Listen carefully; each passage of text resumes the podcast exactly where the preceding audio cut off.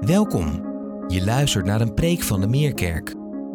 Deze preek maakt deel uit van de preekserie getiteld Ik ben de Heer, uw God. In deze serie staan we stil bij het Bijbelboek Exodus, het verhaal van Mozes en de bevrijding uit Egypte. Wat betekent bevrijding voor ons? En hoe klinkt het evangelie van Jezus Christus hierin door?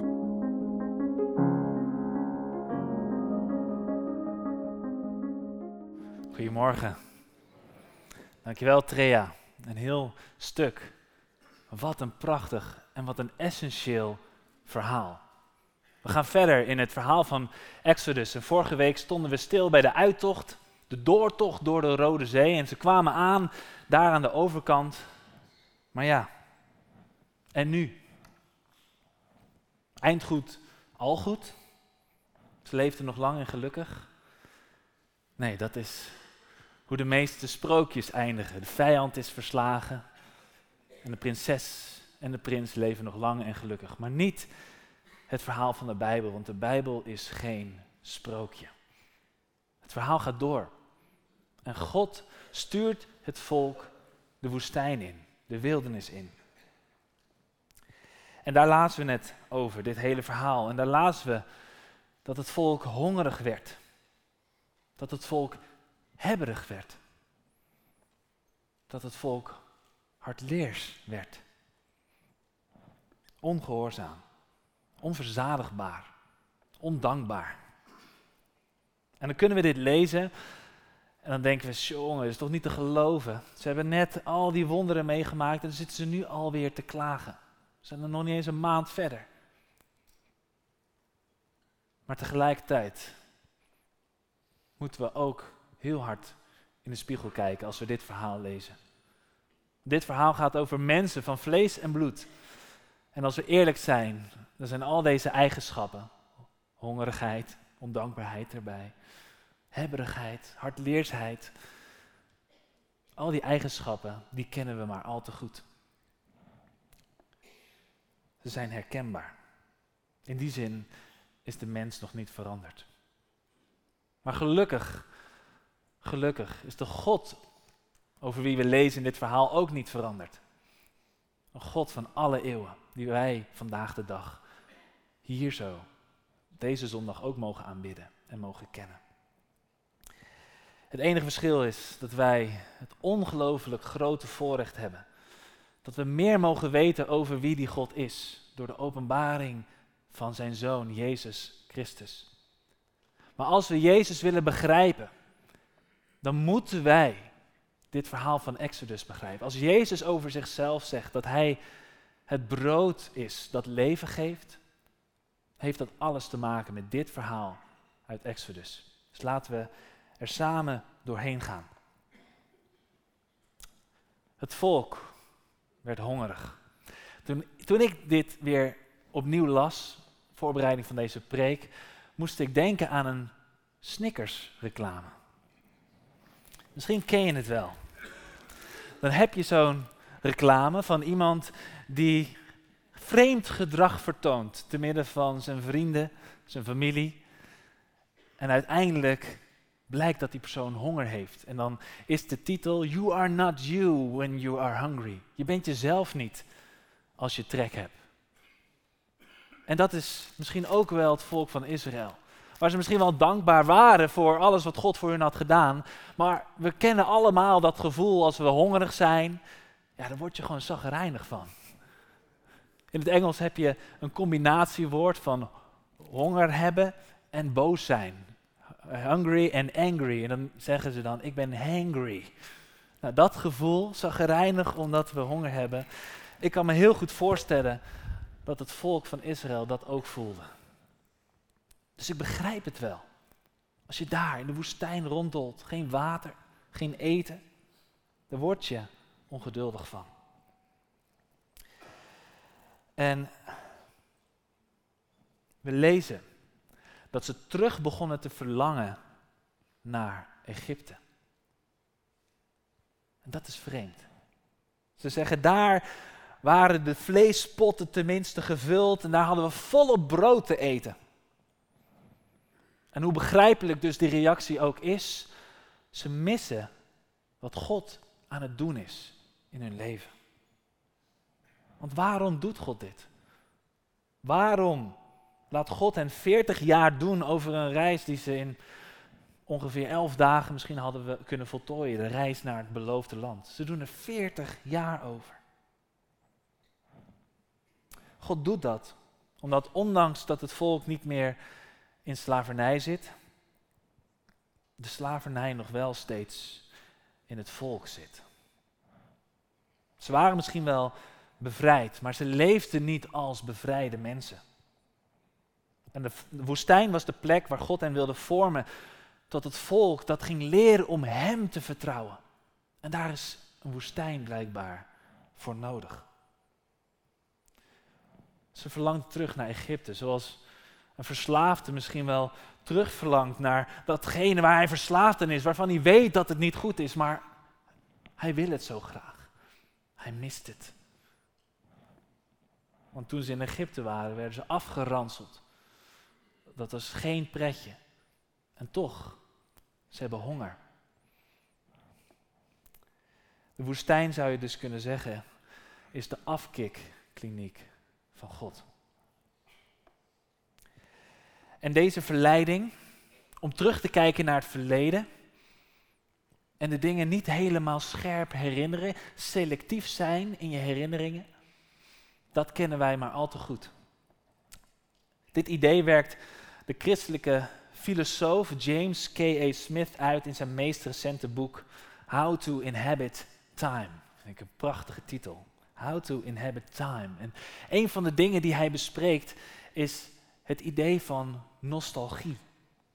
En hij legt uit dat het probleem met nostalgie niet is dat we dingen herinneren, maar dat we dingen vergeten.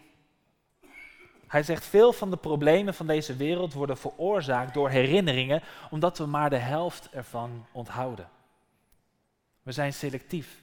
We vergeten de nare momenten van het verleden, de dingen die niet prettig waren, die, die vreselijk waren.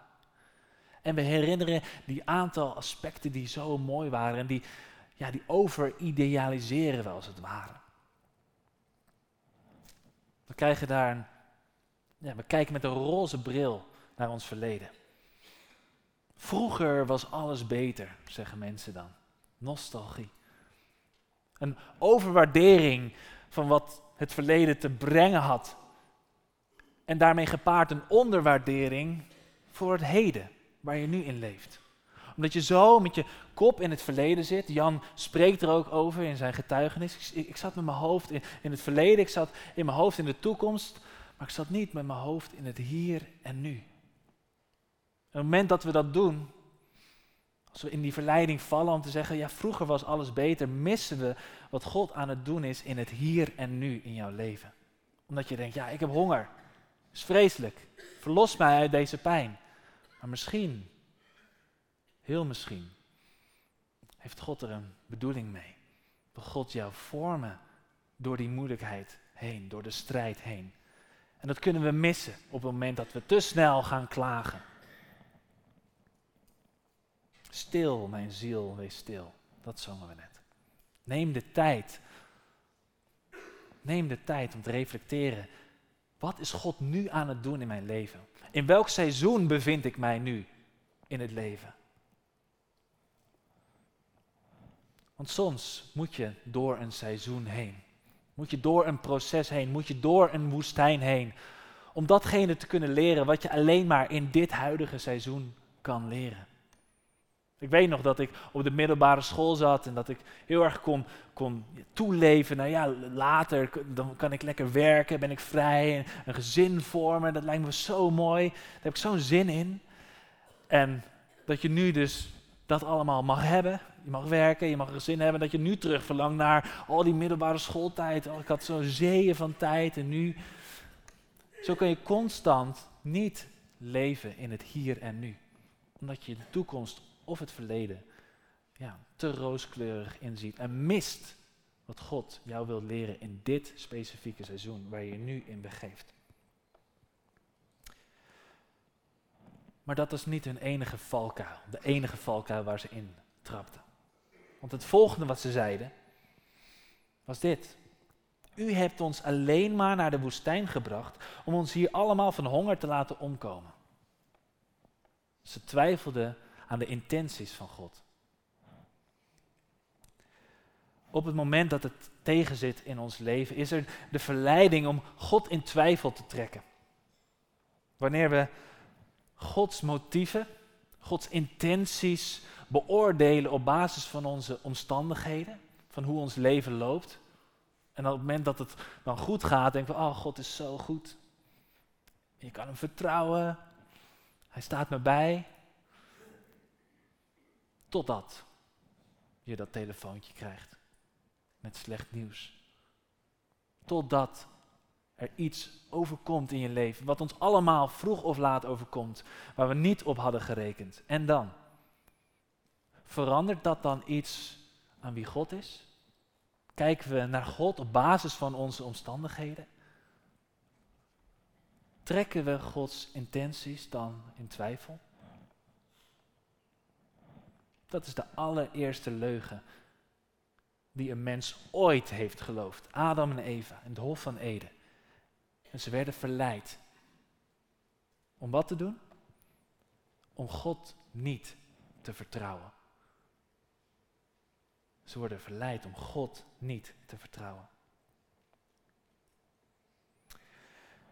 We kunnen niet God vertrouwen alleen op voorwaarde dat Hij onze gebeden verhoort op onze voorwaarden, onze manier zoals wij het graag zien. Nee, we moeten God vertrouwen dat Hij weet wat Hij doet. Hij beantwoordt jouw gebeden op Zijn manier, op Zijn timing. Wacht, wacht op de Heer. Dat zongen we net. Vertrouw op Hem, ook als je in de woestijn zit. Dus als je merkt dat je hongerig bent en daarbij misschien wel zagrijnig wordt en begint te klagen, bedenk dan deze twee dingen. Laat je niet verleiden om in het verleden te gaan leven en dat te overidealiseren. En laat je ook zeker niet verleiden om de intenties van God te betwijfelen. Het verhaal gaat verder. Want ze waren niet alleen hongerig en ondankbaar. Uh, ze, waren hebberig. Onverzadigbaar. Want het mooie is dat ze bidden om God, ze klagen en God hoort hun geklaag. En hij beantwoordt hun gebeden. Hij gaat er iets aan doen, zegt hij. Dat lezen we in vers 4. De Heer zei tegen Mozes: Ik zal voor jullie brood uit de hemel laten regenen. De mensen moeten er dan elke dag op uitgaan om net zoveel te verzamelen als ze voor die dag nodig hebben. En daarmee stel ik hen op de proef. Ik wil zien of ze zich aan mijn voorschriften houden. En ja, het gebeurde. Diezelfde avond nog in vers 12. Ik, ik heb gehoord hoe de Israëlieten zich beklagen. Zeg tegen hen: Wanneer de avond valt, zullen jullie vlees eten. En morgenochtend brood in overvloed. Dan zullen, dan zullen jullie inzien dat ik de Heer, jullie God ben. Zoals bij ieder wonder waarover we lezen in Exodus, is dat om te laten zien dat Hij de Heer is, jouw God. Vandaar ook onze preekserie. Ik ben de Heer, uw God. Hij is de God die voorziet in dagelijks brood. Ongetwijfeld dat Jezus hier aan moest denken op het moment dat hij zijn discipelen leerde bidden. Geef ons heden ons dagelijks brood. Geef ons vandaag het brood wat we nodig hebben. Alles met dit verhaal te maken. Want diezelfde avond kwamen er dus kwartels aangevlogen. Nou, voor degene die niet weet wat kwartels zijn, dat zijn vogels. En die streken gewoon neer op het kamp. Het was nou, net niet een Kentucky Fried Chicken bezorging die zo, alsjeblieft, hier heb je te eten. En het is vandaag de dag nog steeds niet een onbekend verschijnsel. Dat kwartels die trekken van Soudaan naar Europa toe. En die vliegen mee op de wind. En als er dan een zijwind, uh, zijwinden komen, dan, ja, dan, gaan ze heel snel, strijken ze dan neer als ze vermoeid zijn, ja, dan rusten ze uit. En heel erg dicht op elkaar gaan ze dan zitten. En ik kan me zo voorstellen dat dat precies is wat er gebeurde. Het was een wonder in de zin dat dat dat het gebeurde en dat er genoeg kwartels waren voor, voor een volk van meer dan miljoen mensen. Maar God gebruikt wel iets wat al in de schepping was. Hij heeft niet een, een vogel verzonnen, zo uit het niets, poef, hier, of een maaltijd op een bord. Nee, hij zag wat vogels en hij zei, die stuur ik naar jullie toe. Die laat ik neerstrijken in jullie kamp. Hij voorziet in jullie nood. En zo zijn er ook natuurlijke verklaringen die je zou kunnen doen voor dat brood, voor manna. Ze noemen het manna trouwens, omdat het woord man in het Hebreeuws betekent wat. En manna is eigenlijk dat ze dat tegenkwamen en niet wisten wat het was en zeiden, wat is dat? Manna, wat is dat? Het was fijn, het was wit, het was schilferachtig. Het was zoet, het smaakte als honingkoek. En sommige mensen, exegeten, proberen het te verklaren door te zeggen dat het lijkt op een, een witte afscheiding die ook nog steeds vandaag te vinden is op, op, op een specifieke boom die in dat gebied groeit. Maar alle verklaringen schieten toch een beetje tekort. En missen we het feit dat dit zo'n groot wonder is van God. Ik vond het leuk om te lezen in het commentaar van Calvijn. Dat hij acht redenen geeft waarom dit uh, wel een wonder zou moeten zijn. Dat het natuurlijke verklaringen overstijgt. Hij zegt ten eerste, het was een nieuw verschijnsel. Het was hiervoor nog nooit gezien, lezen we. Twee, het, het was er altijd, ongeacht het seizoen, winter, zomer, maakt er niet uit. Er, er was voldoende voor heel het volk. Ik bedoel, daar heb je behoorlijk wat mannen voor nodig om een heel een volk elke dag te voeden. En de hoeveelheid werd dus verdubbeld op de zesde dag. En op de zevende dag was er dan niets. En als je het dan langer bewaarde dan een dag, dan bedorf het. Behalve dus dat portie wat ze verzamelden voor de Sabbat. Die bleef dan een extra dag goed. En het volgde hun, waar ze ook gingen in de woestijn. Het was er altijd. En het manna verdween dan ook op het moment dat ze het beloofde land binnen, binnen gingen. We lazen, 40 jaar lang hebben ze dit gegeten, totdat ze Canaan bereikten. En tenslotte de achtste, het stukje manna dat bewaard werd voor de komende generaties. Die bleef goed. Allemaal wonderen. Allemaal aspecten die aanduiden dat hier iets aan de hand is wat natuurlijke verklaringen overstijgt. God zorgt op een wonderbaarlijke manier voor zijn volk. En elke ochtend, elke ochtend moesten ze dus op pad om dat manna voor zichzelf te gaan verzamelen. En iedereen mocht zoveel pakken als hij nodig had. Nou, wat gebeurt er als je hongerige mensen in de woestijn zegt, daar zo buiten, daar is gratis brood te vinden, zoveel je wilt. En dat lezen we, vers 17. De Israëlieten deden dat, gingen op pad. En de een verzamelde veel en de ander die verzamelde weinig. Er zaten hebberige typjes tussen. Haantje de voorste. Pakken wat je pakken kan. En er zaten ook mensen die het wat rustig aandeden. En dit doet me eigenlijk denken aan de slogan van de volgende chocoladereep. Twix.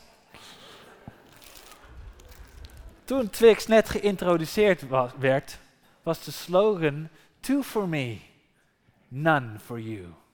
Er zitten natuurlijk twee repen in. Het zijn alle twee van mij. Hebberigheid.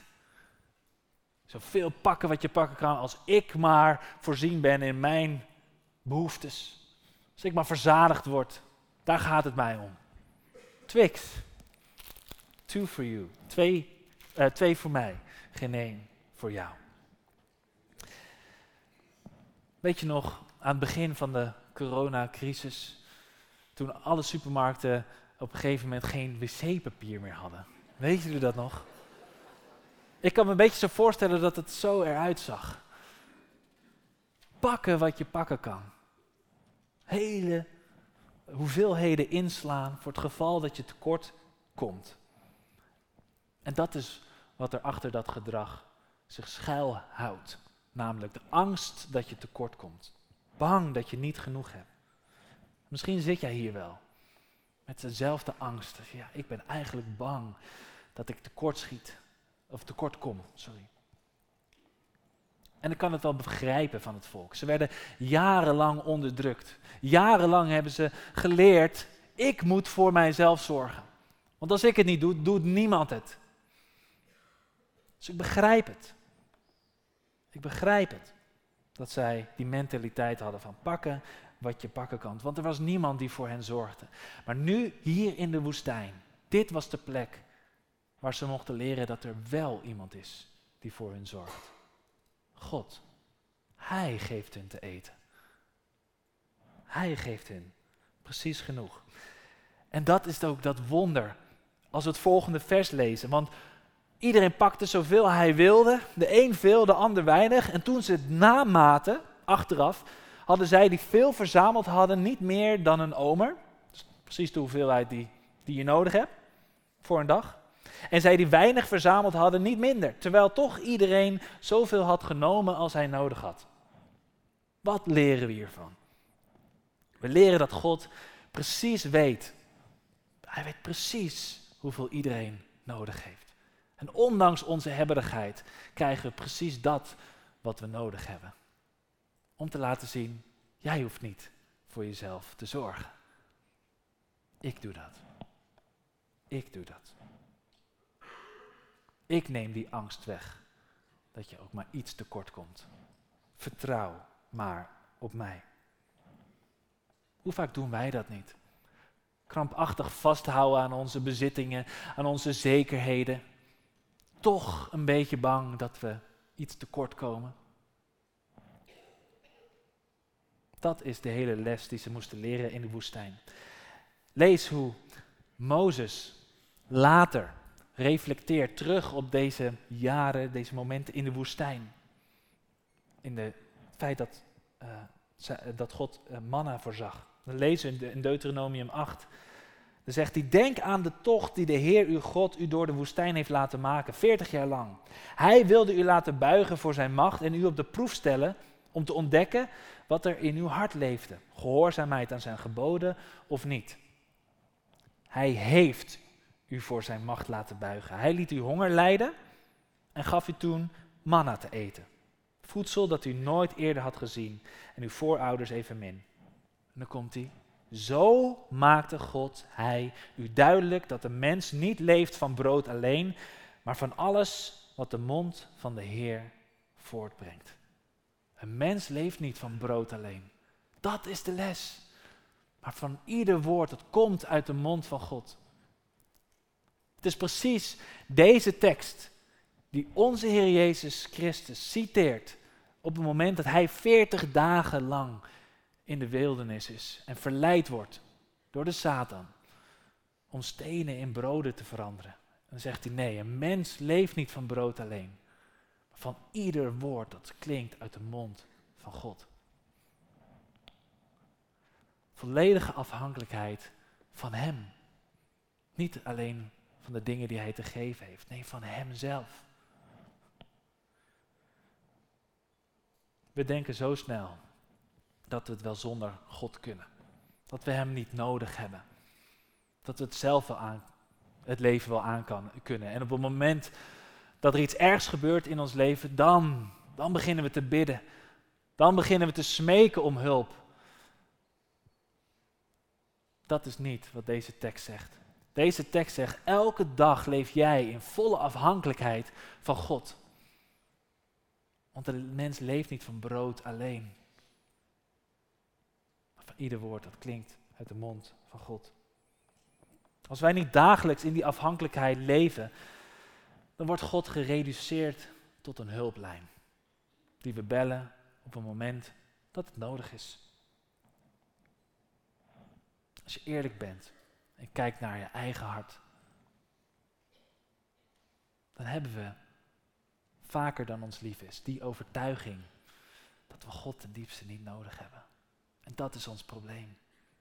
Dat is ons probleem, dat we het wel zonder, zonder kunnen. Dat we niet elke dag onze dag beginnen. Vandaag leef ik Niet door brood, maar door uw woorden. Ik heb u nodig.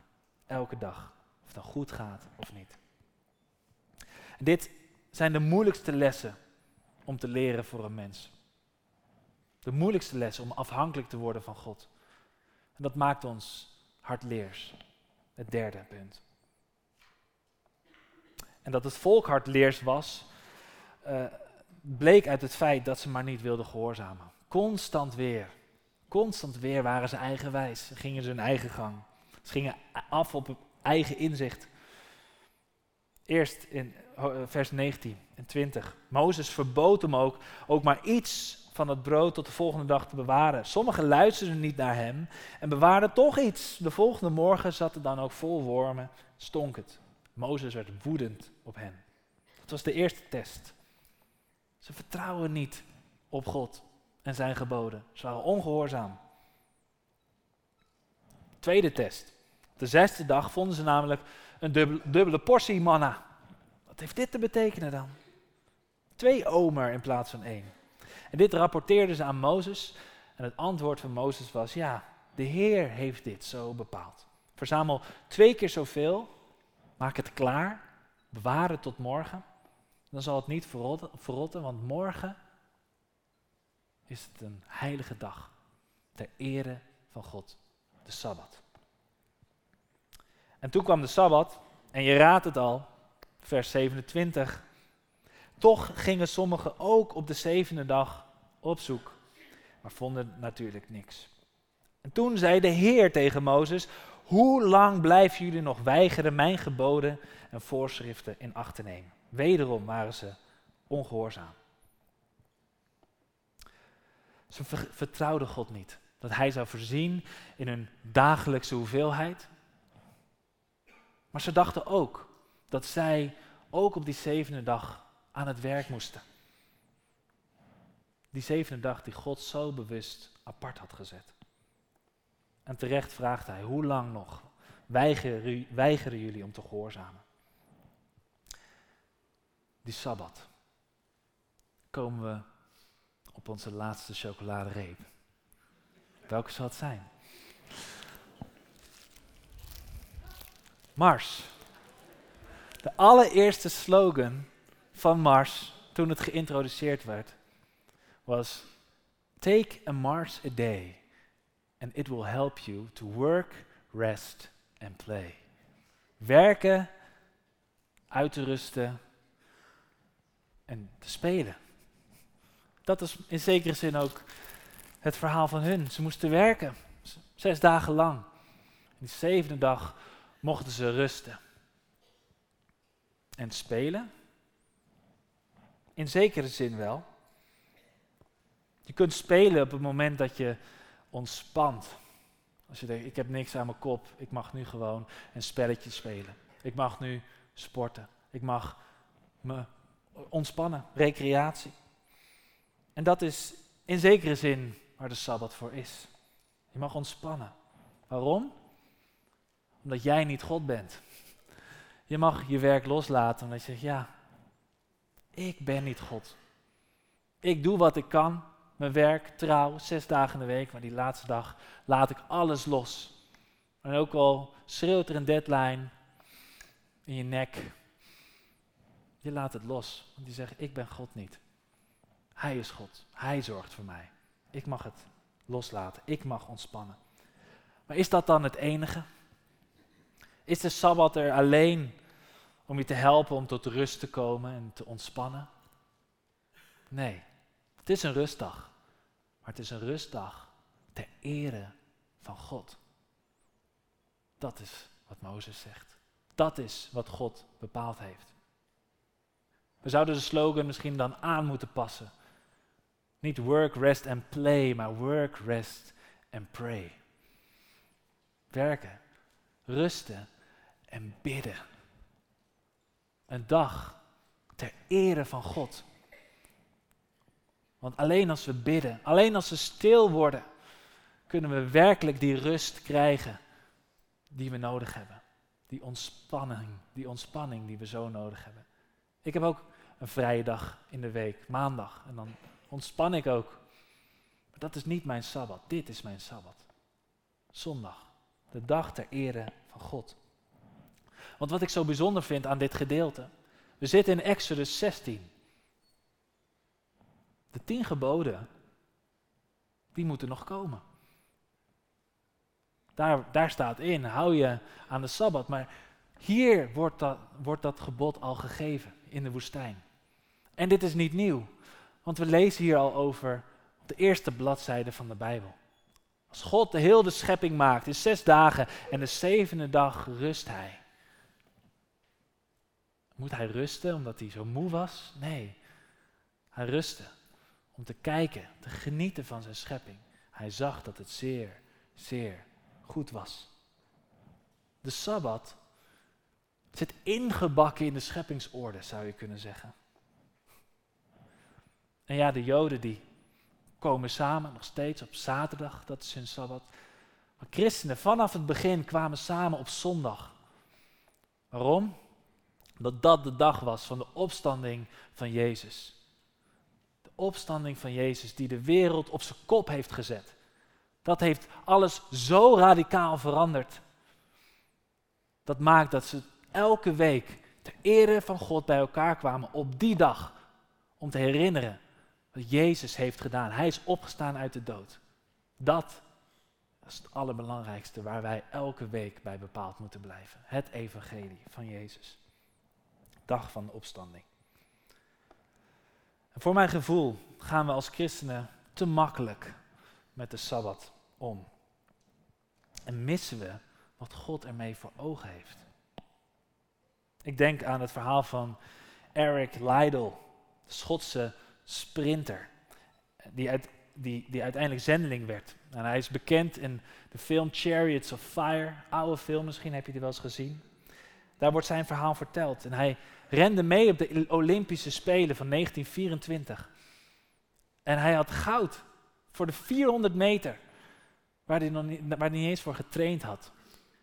Hij had getraind voor de 100 meter. Maar het probleem was dat de wedstrijd van 100 meter gehouden werd op zondag. En hij koos ervoor om niet mee te doen met die wedstrijd. Waarom? Omdat hij niet leefde voor medailles. Hij leefde voor manna. Hij leefde niet voor play. Hij leefde voor pray. Terwijl zijn tegenstander, Harold Abrahams, die zegt in de film: I have only 10 seconds to justify my existence. Die 10 seconden dat ik moet rennen op die 100 meter sprint, daar moet ik bewijzen dat ik besta. Hij leefde voor medailles. Eric Liddell, die leefde voor mannen. En laat ik dan eerst zelf in de spiegel kijken. Ik bedoel, durf ik het aan om echt mijn werk los te laten? Om mij echt te richten op mijn, wat mijn ziel nodig heeft, dag in de week, ter ere van God? Vertrouw ik dat God die extra mannen geeft op die zesde dag, zodat ik echt vrij kan zijn om mij te richten waar het echt om gaat in het leven? En ik snap het wel, dat je nu denkt, ja, die tijd hebben we toch gehad. Die tijd dat je twee keer naar de kerk moest. Alles wat leuk was, mocht niet. Mocht niet eens een ijsje eten. En alles wat, wat niet leuk was, dat moest je wel doen. Twee keer per dag naar de kerk. Maar de Sabbat moet geen last zijn. Het moet rust geven. Als het een last voor je is, dan is de kans groot dat je er wettisch mee omgaat. Dan beschouwen we het als een regel en dan missen we het punt. Want God die geeft niet de Sabbat aan zijn volk om hen te onderdrukken, maar om hen te bevrijden. Ik heb eens gehoord het verschil tussen Australische veehouders en bijvoorbeeld Nederlandse veehouders. Hoe zij hun koeien bij elkaar houden. Hier in Nederland, wij bouwen hekken. Wij bouwen hekken zodat we kunnen zeggen, hier dit, is, dit, hier, dit is het grasveld waar je mag grazen. En zo lopen ze niet weg. Maar in Australië, in die grote, grote vlaktes, daar, daar slaan ze geen hekken. Daar slaan ze een put. Een waterbron. En waar ze ook grazen, uiteindelijk komen die koeien altijd weer terug bij de bron. Zo ook voor ons. Die regels en die wetten, dat zijn de hekken. En daar zijn we vooral vaak mee bezig. Maar we moeten bezig zijn met de bron. Daar gaat het om. Daar gaat het om. Ik krijg soms de indruk dat, dat mensen net aan christen willen zijn. En ze kunnen dan eigenlijk niet echt ergens op aangesproken worden, dat ze ergens de grens overgaan, dat je denkt, hé, hey, dat, dat mag niet. Maar tegelijkertijd flirten ze met de wereld. En willen ze niks missen van het, alles wat het leven te bieden heeft. En de invulling van je sabbat is daar misschien wel een goede graadmeter van. Wat durven we allemaal te missen? Wat durven we allemaal op te offeren om deze dag echt om God te laten draaien? Nogmaals, niet op een wettische manier. Het is niet de vraag hoe goed jij binnen de hekken kan blijven. De vraag is, hoe goed weet jij de bron te vinden? Drink jij van het levende water? Eet jij dagelijks van het brood dat leven geeft? Hiermee wil ik eindigen. Want dit is hoe Jezus zichzelf noemt in Johannes 6. Daar lezen we hoe Jezus 5000 mensen voedt met slechts vijf broden en twee vissen. En dit verhaal doet sterk denken aan Exodus 16. Maar het verschil is dat, God, uh, dat Jezus niet is gekomen om te voorzien uh, in een praktische nood, maar in een geestelijke nood. Hij deelt niet alleen brood uit, hij is het brood. Ik wil het met jullie lezen, tot slot. Johannes 6, vanaf vers 30. Toen vroegen ze zijn leerlingen, welk teken kunt u dan verrichten? Als we iets zien, zullen we in u geloven. Wat kunt u doen? Onze voorouders hebben immers manna in de woestijn gegeten, zoals geschreven staat. Brood uit de hemel heeft hij hun te eten gegeven. Maar Jezus zei, werkelijk, ik verzeker u, niet Mozes heeft u het brood uit de hemel gegeven, maar mijn vader. Hij geeft u het ware brood uit de hemel. Het brood van God is het brood dat neerdaalt uit de hemel en dat leven geeft aan de wereld. Geef ons altijd dat brood, Heer, zeiden ze toen. Ik ben het brood dat leven geeft, zei Jezus. Wie bij mij komt, zal geen honger meer hebben. En wie in mij gelooft, zal nooit meer dorst hebben. Geloof jij dat? Vertrouw jij daarop? Soms hebben we de woestijnperiodes nodig. Om wat te geloven in ons hoofd, om dat werkelijkheid te laten worden in ons hart. Soms moet alles wegvallen om erachter te komen dat Jezus alles is wat je nodig hebt. Heb je honger? Ben je hebberig? Ben je hardleers? Jezus is het brood dat leven geeft. Want het voedsel dat de wereld ons aanbiedt, kan ons niet verzadigen. Als je Snickers eet, zul je honger blijven krijgen. Als je Twix eet, zul je altijd weer verlangen naar meer. Als je Mars eet, zal je niet rust vinden. Alleen Jezus geeft de dingen. Hij vult onze maag. Hij verzadigt onze honger naar meer, meer, meer. Hij geeft ons diepe rust in ons hart. En de vraag vanochtend is, is Hij genoeg voor jou? Is Hij jouw dagelijks brood? Hij geeft precies wat je nodig heeft, elke dag weer. Hij is het brood uit de hemel. Neemt en eet allen ervan. Laten we bidden. Heer, we willen u danken.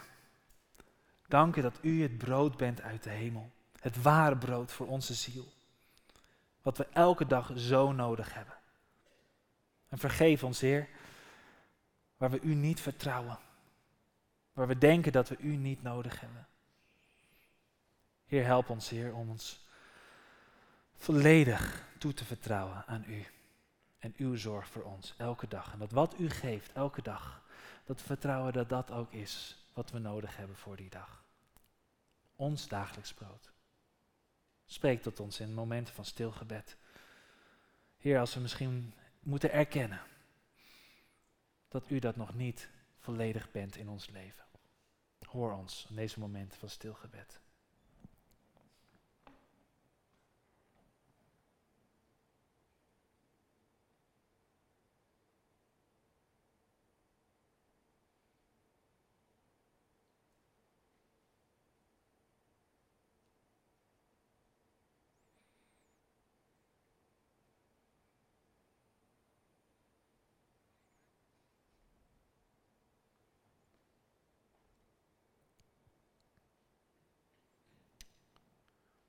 U bent het brood dat leven geeft.